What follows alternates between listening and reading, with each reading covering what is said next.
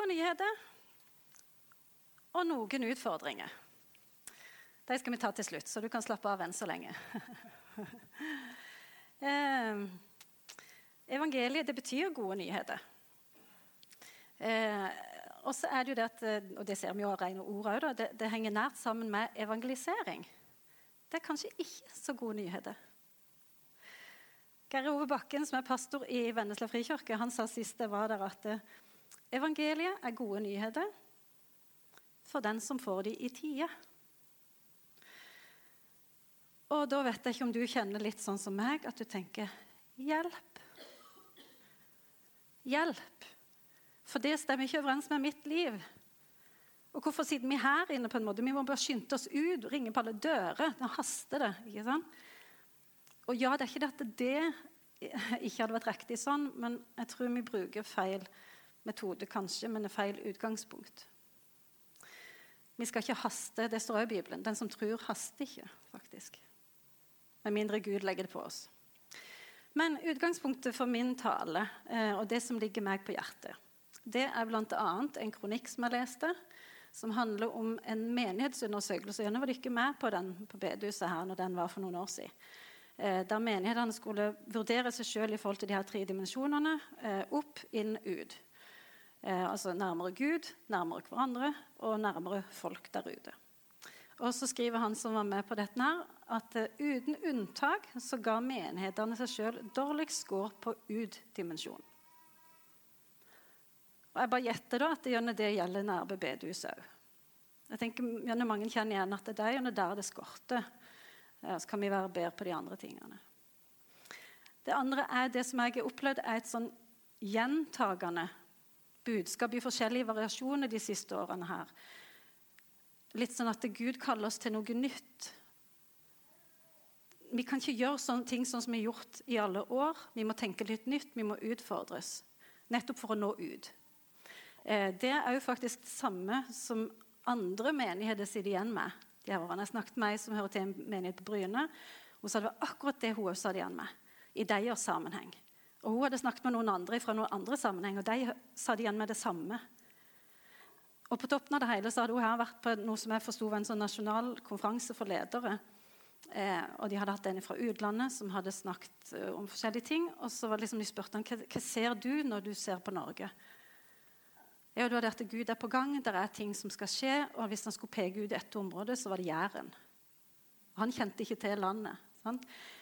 Jeg vet ikke om den profetien stemmer, men hvis han gjør det, folkens, så er det ting på gang. Og vi skal få lov til å være med på det. Og det er gode nyheter, det.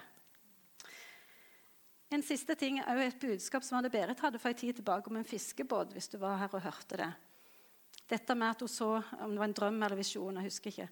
Eh, en fiskebåt fullt utstyrt, masse folk om bord klar til fisking. Eh, de så fisken i vannet, de hadde koordinatene til hvor fisken var, og så fikk de likevel ikke fisk. Nå snakker jeg kanskje litt fort, og blir engasjert. um, og så var det hva var det som mangla? Jo, det var fiskescener.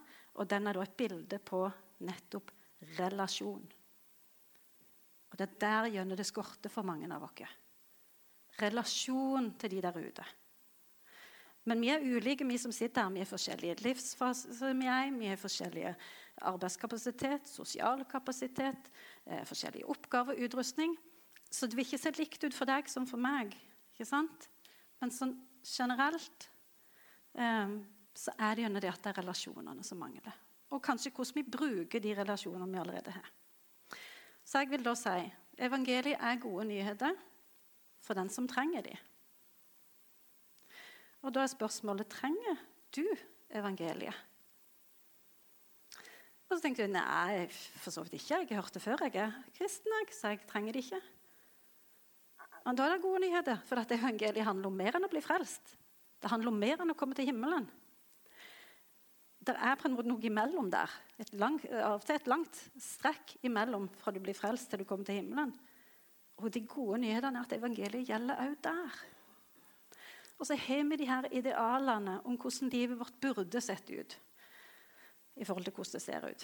Jeg burde vært ute på gav. Det gaveevangelisering, jeg burde gått på pub og snakket om Jesus. Jeg burde snakket om Jesus til folk ved siden av meg på toget, på flyet. ikke sant? Ja, det der. Og så faller det jo så i hop, og så gjør jeg det ikke. Og så blir det skam, og så blir det nederlag. Og så er ikke det greit. Og så er det heller ikke greit å klappe hverandre på skuldra og si 'Å ja, du er jo sliten med det'. Ja, nei, det er vanskelig greie, det der. Ja ja, sånn er det. Det er da ikke fruktbart. Så hva gjør vi da for å komme videre?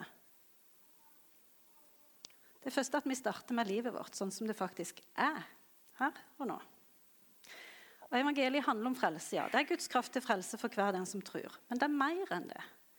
Det er å bli født på ny og Da sier det seg sjøl når du blir født på ny, så er det et nytt liv. Og et nytt liv det fordrer en ny livsstil. Alt er blitt nytt, sier Paulus. Og det overordna eh, tingen ved dette nye livet det er at vi har fått en far som forsørger oss. Og i det ligger det utrolig mye. Bibelen, eller Matteus og, eh, og jeg hadde funnet et annet vers av Jeremia blås i det, men i hvert fall som viser at folkeslagene eller hedningefolk og sånn, det er mye de trakter etter, det er mye de jakter etter og, og, strever med å oppnå. Og så kommer Jesus og sier at men deres himmelske far vet hva dere trenger. Og han vil sørge for dere, så vi skal få lov til å leve på en annen måte. Vi. Og vi skal slippe å bære bekymringer. Det er en konsekvens av en far som forsørger oss. Ja, vi blir bekymra, og det er på en måte en god ting, for det betyr at vi er ikke likegyldige. Vi blir jo bekymra for det som betyr noe for oss.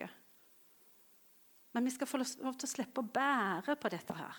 For vi har noen å gi dem til. Han sier til og med 'kast dem på meg'. Du kan dryle til. Og så slipper du å bære byrden av dem. For det han har lova å forsørge. Vi har jo fått noen privilegier. Det må jeg bare si, De, de, de som er framme og snakket her, og bibeltekstene og alt Det nydelige bildet på hele evangeliet. Jesaja ser evangeliet ifra, nesten fra baksida, fra Gamle testamentet. ikke sant? Eh, Hebreerbrevets forfatter ser det fra den motsatte sida. Og så hadde du Matteus, som på en måte var midt i det. Og så er det jo oss. Ikke sant? Og nettopp det med Bibelen som allerede er nevnt, hvor viktig det er. For det er levende og virkekraftig. Og det står at den er nyttig til lærdom, til overbevisning, til rettledning og til opplæring i rettferd. Og Jeg så et sitat jeg, på Facebook. Jeg glemte å ta skjermbilde, så jeg husker ikke hvem det var. jeg finner det ikke igjen. Men besøk gjerne andre bøker, men bo i Bibelen. Det er hovedkilden vår. Og Da er jo spørsmålet hvor mye bruker vi den hovedkilden vår? Jeg leste en undersøkelse, jeg kan ha nevnt den før. Og ja, undersøkelse skal du ta med en klype salt, men han peker likevel på, han gir i hvert fall en indikasjon på noe overraskende og viktig. De så på hva effekt det hadde på folk om de leste i Bibelen én dag, to dag, tre dager, fire dager osv. i uka.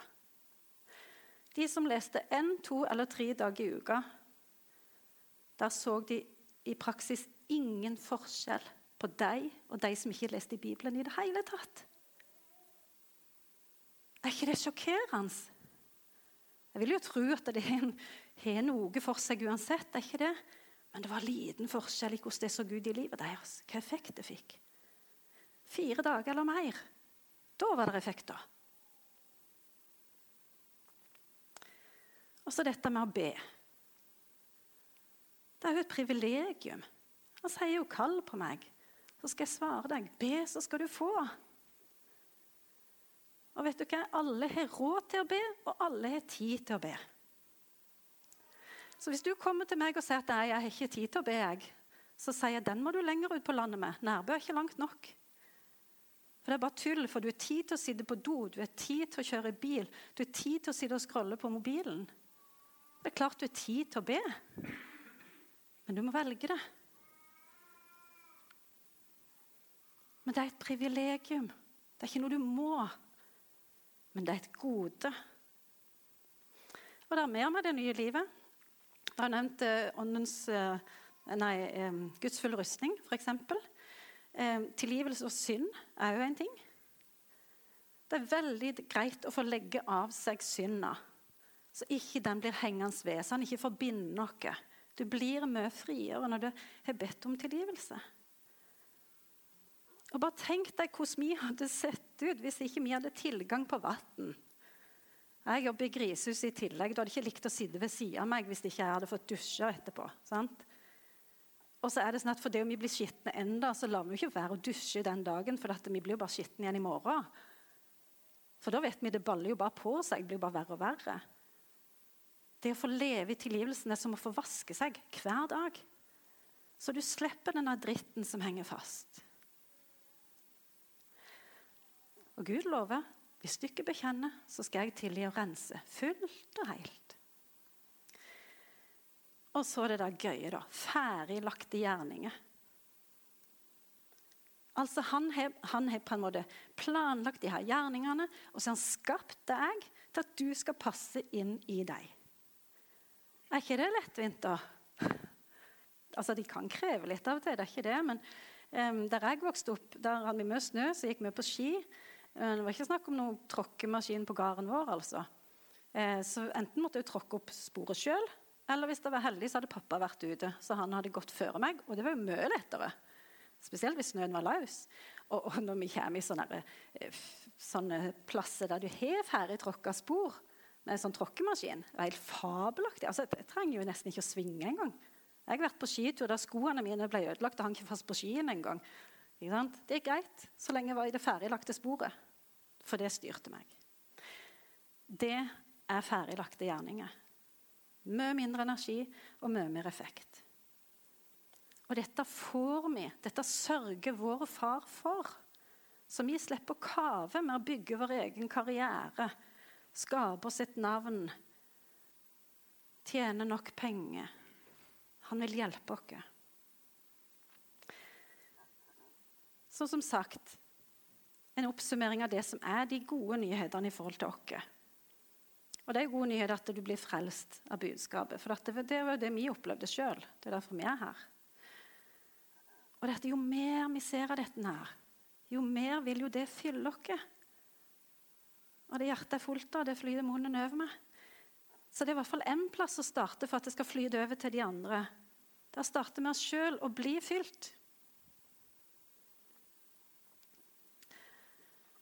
Og så er dette med kraft, da. Disiplene fikk beskjed om å vente til de var, hadde fått kraft. Og da så lurer jeg på, Sitter vi fortsatt og venter, vi, da? For klart, Første pinsedag var spesiell, men, men, det var ikke sånn at de fikk en sånn kraftfølelse over seg. Litt sånn som du ser batteriene som fyller opp 80% 90% 100% Pling! Nå er vi klar. Nå kan jeg gå ut. Disiplene fikk Den hellige ånd. Det er allerede nevnt. Den hellige ånd hjelper oss. Den hellige ånd er krafta. Og vi som har tatt imot Jesus, vi har fått Den hellige ånd. Så det betyr at vi har fått krafta vi trenger. Og nå er jeg i en fase av livet der eh, jeg visste i vår jeg kom til å avslutte oppgaven som daglig mor. For at yngstemann skulle også flytte vekk. Eh, og det ville frigjøre en del tid og, og krefter, visste jeg. Og så forsto jeg at å, nå har Gud noen tanker her om at jeg skal inn i noe nytt, og det er litt skummelt. Og når må jeg, jeg må gå til forbund, for sånn at jeg får kraft til dette her. Og så gjorde jeg det, og så kom det et budskap i tunge, og så ble det tyda, og så gikk det på dette med at Slapp av. Du har allerede det du trenger. Bare gå, du. Vær frimodig. Jeg er med deg. Og Vet du hvorfor jeg tror at det budskapet var sant? For at det stemmer med Bibelen. Det greske ordet som er brukt i Nytestamentet for kraft, jo Guds kraft. Det er dynamis. Eller dynamis, jeg vet ikke hvordan du sier det. Og du ser jo hvor ordet dynamo kommer ifra. Og det vet du sikkert hvordan funker. Jeg hadde en sykkelegg med sånn lykt som var hvordan du sier det, at den var kobla til dynamoen. Da, eh, da nytta det jo ikke å stå ved siden av sykkelen og vente på at lykta skulle lyse, og så skulle jeg begynne å sykle. Jeg måtte jo begynne å trø først, og så kom lyset. Og jo mer jeg trødde, jo mer lys. Og Sånn er Guds kraft òg. Vi har den allerede i oss. Og når vi tar det første skrittet, så begynner effekten av denne krafta å slå inn. Og så skal vi få stole på at etter hvert som vi går i det der, så kommer det mer og mer kraft. Alt dette som vi trenger. Men vi kan ikke stå på stedet hvil og vente og tenke ja, kommer den krafta snart? liksom, Kjenner jeg det? Vi skal gå. Alle turer begynner med det første skrittet. Hvis jeg vil til Steinkjerringa, så kan jeg jo si der og uffake meg over at jeg er ikke på Holmavatn ennå, så dette blir jo fryktelig vanskelig, det her. Eller jeg kan tenke jeg tar første steget ned her, jeg går ut. Så kan jeg jukse og ta bilen opp. ikke sant? Men den eneste måten å komme der opp, det er å begynne med det første steget. Og Det betyr at du òg begynner der du er, der du er i ditt liv i dag. Så når det er snakk om evangelisering, så er det jo ikke at det trenger ikke å være en ny aktivitet du må ut på. Eller masse nye folk du må involvere i livet ditt. Det kan være at det allerede er der i livet ditt. Det er bare du trenger en ny holdning, nye øyne til å se det med. Og jeg vet ikke om dere vet hvem Rune Solheim er. Jeg visste det ikke. Eh, men han er trommeslager i Kaizers, og det har jeg hørt om. Han har fortalt, jeg leste om det i bok, han fortalte han var oppvokst i en kristen heim. Han hadde kristen tro han ble, han ble med i Kaizers. Eh, og så gikk det en stund, og så kjente han på problemet med liksom, eh, At han følte det var for stort sprik mellom det livet han levde, og den trua og de verdiene han hadde. Og så spørsmålet hva skulle han gjøre da? Skulle han slutte i Kaizers? Og så hadde han bedt mye over dette, her, og så forteller han at han var på et møte der det var noen som kom med et budskap til han. Og det var at eh, Gud hadde kalt han til å være i bandet, men han måtte ta et valg om å ha Jesus som herre i livet. Da skulle han få oppleve at Gud velsigna både han og bandet. Det sa han sjøl. Og så står det sitat fra boka. Gitarist Geir Zahl sier at det var mye kaos i Kaizers, men da Rune fant sporet, redda han den mentale helsa til bandet. Jeg synes Dette er et skikkelig nydelig eksempel på hvordan det kan påvirke de rundt deg. At ja, du er med de samme folka, men du har fått en ny holdning. Du har fått noe nytt på innsida. Og så forvandler det. Og vi vet jo hva suksess de har hatt etterpå.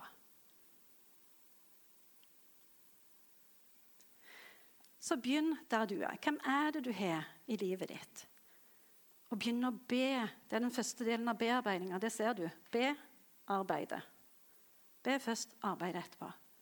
Begynn å be for de som du kjenner at du har rundt deg. Det kan være naboer, kollegaer, familie, slekt, venner. You name it. Det handler om relasjonene. Kan jeg ikke få sagt det mange nok ganger. Relasjon, relasjon, relasjon. Og hvordan gjør vi det, da? Jeg likte så godt det du sa med å senke skuldrene, for det er jo nettopp det jeg har fått høre, jeg òg.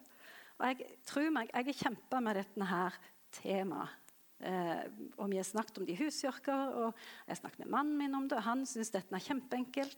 Og jeg bare sånn Ja, men jeg, jeg må jo på en måte alltid Vi må si, ikke sant? Og, sånn og han bare Må du si noe? Ja, kan jeg bare senke skuldrene og ha det gildt? sier jeg. Ja, kan du ikke det? sa han. kan jeg faktisk det? Og så vet du hva, så erfarer jeg det at Når jeg er da med de folkene som jeg allerede hadde en relasjon til i livet mitt, men som er på kanskje litt sånn udefinerbar sted i forhold til Jesus. da. Eh, hvis jeg senker skuldrene og har det gildt med dem, ja, så, så, er det jo greit, da. Og ut av det så er det jo lettere at det kommer noen samtale. Alle syns jo det er gøy å være sammen med folk som er gilde. Altså, du har ikke lyst til å være sammen med noen som bare maser om noe du liksom, skal prakke noe på deg. Det syns ikke de heller.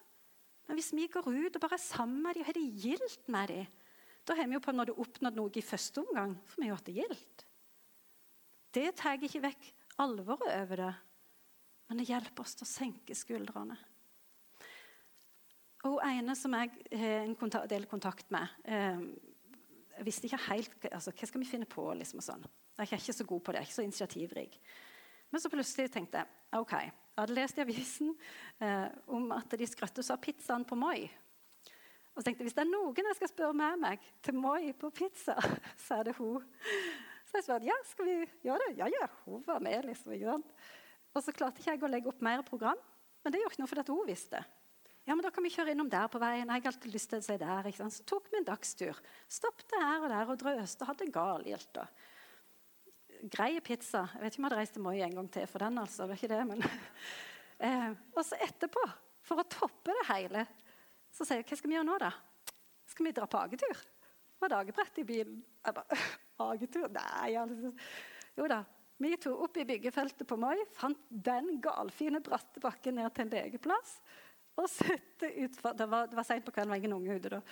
Eh, sett utfor. To damer på nesten 50 år nedover. Hun hylte av skrekk, og jeg hylte av fryd. Det var galegøy. Og begge er enige om at den dagen her, den står liksom ut i en sånn klasse for seg sjøl i år. altså. Er det skjedd noe mer? Nei, men det er bygd relasjon. Og vi hadde det gøy. Og det er det jeg bygger videre på. Når jeg nå fikk snakke litt mer med henne, kom litt nærmere inn på en annen gang. Skjønner du? Og jeg ser at jo mer jeg gjør dette, går på besøk til noen som jeg aldri har vært på besøk til før.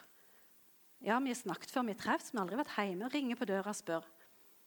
Ja, det er bare lurt på hvis det passet deg. Ja, ja, kom inn. vet du. Å, synes det var så koselig. Den gilde lørdagsettermiddagen. Og tenker jeg bare, Hva går jeg glipp av ved å holde meg hjemme? liksom? Vi skal begynne der vi er. Og skal vi gå ut og skal vi senke skuldrene. Så kan samtalen av og til bli vanskelig. Jeg vet det. Eh, min erfaring er at eh, hvis folk begynner veldig sånn negativt med at eh, alt er galt med de kristne, og de gjør sånn og sånn, og bla, bla, bla, ikke sant? Så, så dveler jeg ikke så mye med det. Jeg kan bekrefte det være enig i at det, det syns jeg heller er greit. Sånn. Men, så, men jeg kommer liksom ikke utenom at det, for meg i min hverdag så er Jesus noe helt annet. på en måte. Det er ikke det jeg er opptatt av. Jesus han og bla, bla, bla. Og så blir det et personlig vitnesbyrd. Og det er ikke så lett å argumentere mot. Og så sa Noah Tobias noe fint når hun var sist nå på Reis deg Guds menighet i Vennesla. Jeg vet ikke om du vet hvem hun er, men hun var født som jente, og så ble hun gutt, og så er hun nå dame. Eh, og hun hadde vært i en vanskelig samtale der det den andre sa om Gud, såra henne veldig så mye at hun faktisk kom på gråten. Og så sa hun etterpå jeg tenker at det er helt greit å vise at man blir såra. Og vet du hva, jeg tenkte ja, det er helt sant, det. Og det gjør òg at jeg kan senke skuldrene. Det er helt greit å si 'jeg vet ikke', eller at 'dette syns jeg var leit'. Dette gjør vondt å høre. For når vi viser at vi blir såra eller lei oss, så betyr det jo at dette betyr noe for oss. Jesus betyr noe for oss. Hvis han da gjør det.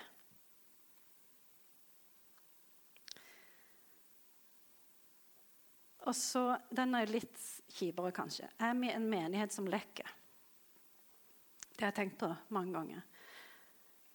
Kan folk komme inn her, gå ut igjen, ja, de blir sett her og nå, men de kommer ikke tilbake igjen, og så er det ingen som etterspør dem. I Jeremia så står det et sårt vers. For hvem vil ha medlidenhet med deg, Jerusalem? Hvem vil sørge over deg? Hvem vil ta av fra veien for å spørre om du har fred? Er vi villige til å være de som går av veien, som tar en omvei for å stikke bort og ringe på døra til noen? Hei, jeg har ikke sett deg på lenge på bedehuset. Du har gjerne vært der når jeg ikke har vært der, men jeg har ikke sett deg hvert fall. Nå vil jeg bare høre hvordan det går med deg. Det blir neppe feil. Og blir det det, så har du i hvert fall gjort din del. Jeg har prøvd det, og jeg har fått oppleve at det, det ble sett på som et englebesøk. Da er det betydningsfullt. Det betyr ikke nødvendigvis at de kommer tilbake igjen. Eh, det kan være mange grunner til at de holder seg vekk igjen. altså det er ikke det. Eh, men det er en viktighet av det. For at, og Gud sier at den som er tro i lite, vil jeg sette over stort. Hvorfor skal Gud betro flere folk til dere hvis vi ikke tar vare på dem vi allerede har? Det var et lite alvorsord, en formaning. Og så er det utfordringene. For det er så lett å høre på ting. ikke sant? Og bare, ja, er fullt ut enig i alt det der. Men skal det få konsekvenser i livene våre, så må vi ta noen bestemmelser. Det lærte jeg faktisk av en psykiater. Ikke bare si liksom, ja, kanskje torsdag eller fredag. Liksom. Nei, bestem deg for en dag, og så holder du deg til planen, og så gjør du det. Og som sagt, Vi er ulike, så hva, hva ditt neste steg er, vil være ulikt fra de andre rundt deg. ikke sant? Men spørsmålet er, ut ifra dette som du har hørt nå, hva er ditt neste steg? Hva er det Gud kaller deg til? Hvis du trenger å ta til deg mer av Guds ord, hvor tid skal du gjøre det? Hvor tid på døgnet? Hva for noen dager? Samme når du skal be. Hvis du kjenner at det er det du trenger, du trenger å bruke mer tid i bønn. Ok, Hvor tid på døgnet, og hva for noen dager? Bestem deg. Hold deg til planen. Har Gud lagt noen på hjertet ditt nå som du skal be for? Er det noen av de, en, to eller tre personer som du kan på en måte velge ut, eh, som kjenner at der skal du begynne å investere litt mer i? Be først, og så arbeide. Og så har jeg lyst til å utfordre deg på at eh, ikke gå hjem før du har avklart dette. Det er frivillig om du tar imot utfordringene, selvfølgelig. Eh, men det gjør noe for deg sjøl. Og det aller beste er faktisk å si det høyt til noen. For både eh, forplikter det deg sjøl litt mer. Eh, men det er om at ved å si det høyt, så, så hører jo du òg ordene. Og vi tror jo det budskapet vi hører. ikke sant? Så da tror vi litt mer sjøl på at vi faktisk skal gjennomføre det. Kom gjennom fram til forbønn og si det. Det trenger ikke være noe lang forbønn. Eh, det kan bare være at det, dette er neste steget mitt. Jeg vil bare be Gud om å velsigne det. Og så gå. Ferdig. Og Skulle det bli et veldig rush, så lager vi til en sånn drive-through her framme. Så kan dere stille i kø. Mm. Ja, takk, Jesus, for alt det du er for oss, og alt det du har gjort for oss. Takk, gode far, for at du sørger for oss. Og du sier at vi skal ikke leve livet vårt alene, men vi skal leve det sammen med deg. Og så vil du lede oss, og du vil hjelpe oss å ta de neste stegene. Sånn som du ser at vi både kan og trenger. Jeg ber om at det, det som er blitt sagt nå, at det blir ord ifra deg. La alle mine ord falle til jorda. Også at ditt budskap er det som sitter igjen, som motiverer, eh, som inspirerer, og som skaper noe nytt. Velsign hver enkelt Gud. I Jesu navn. Amen.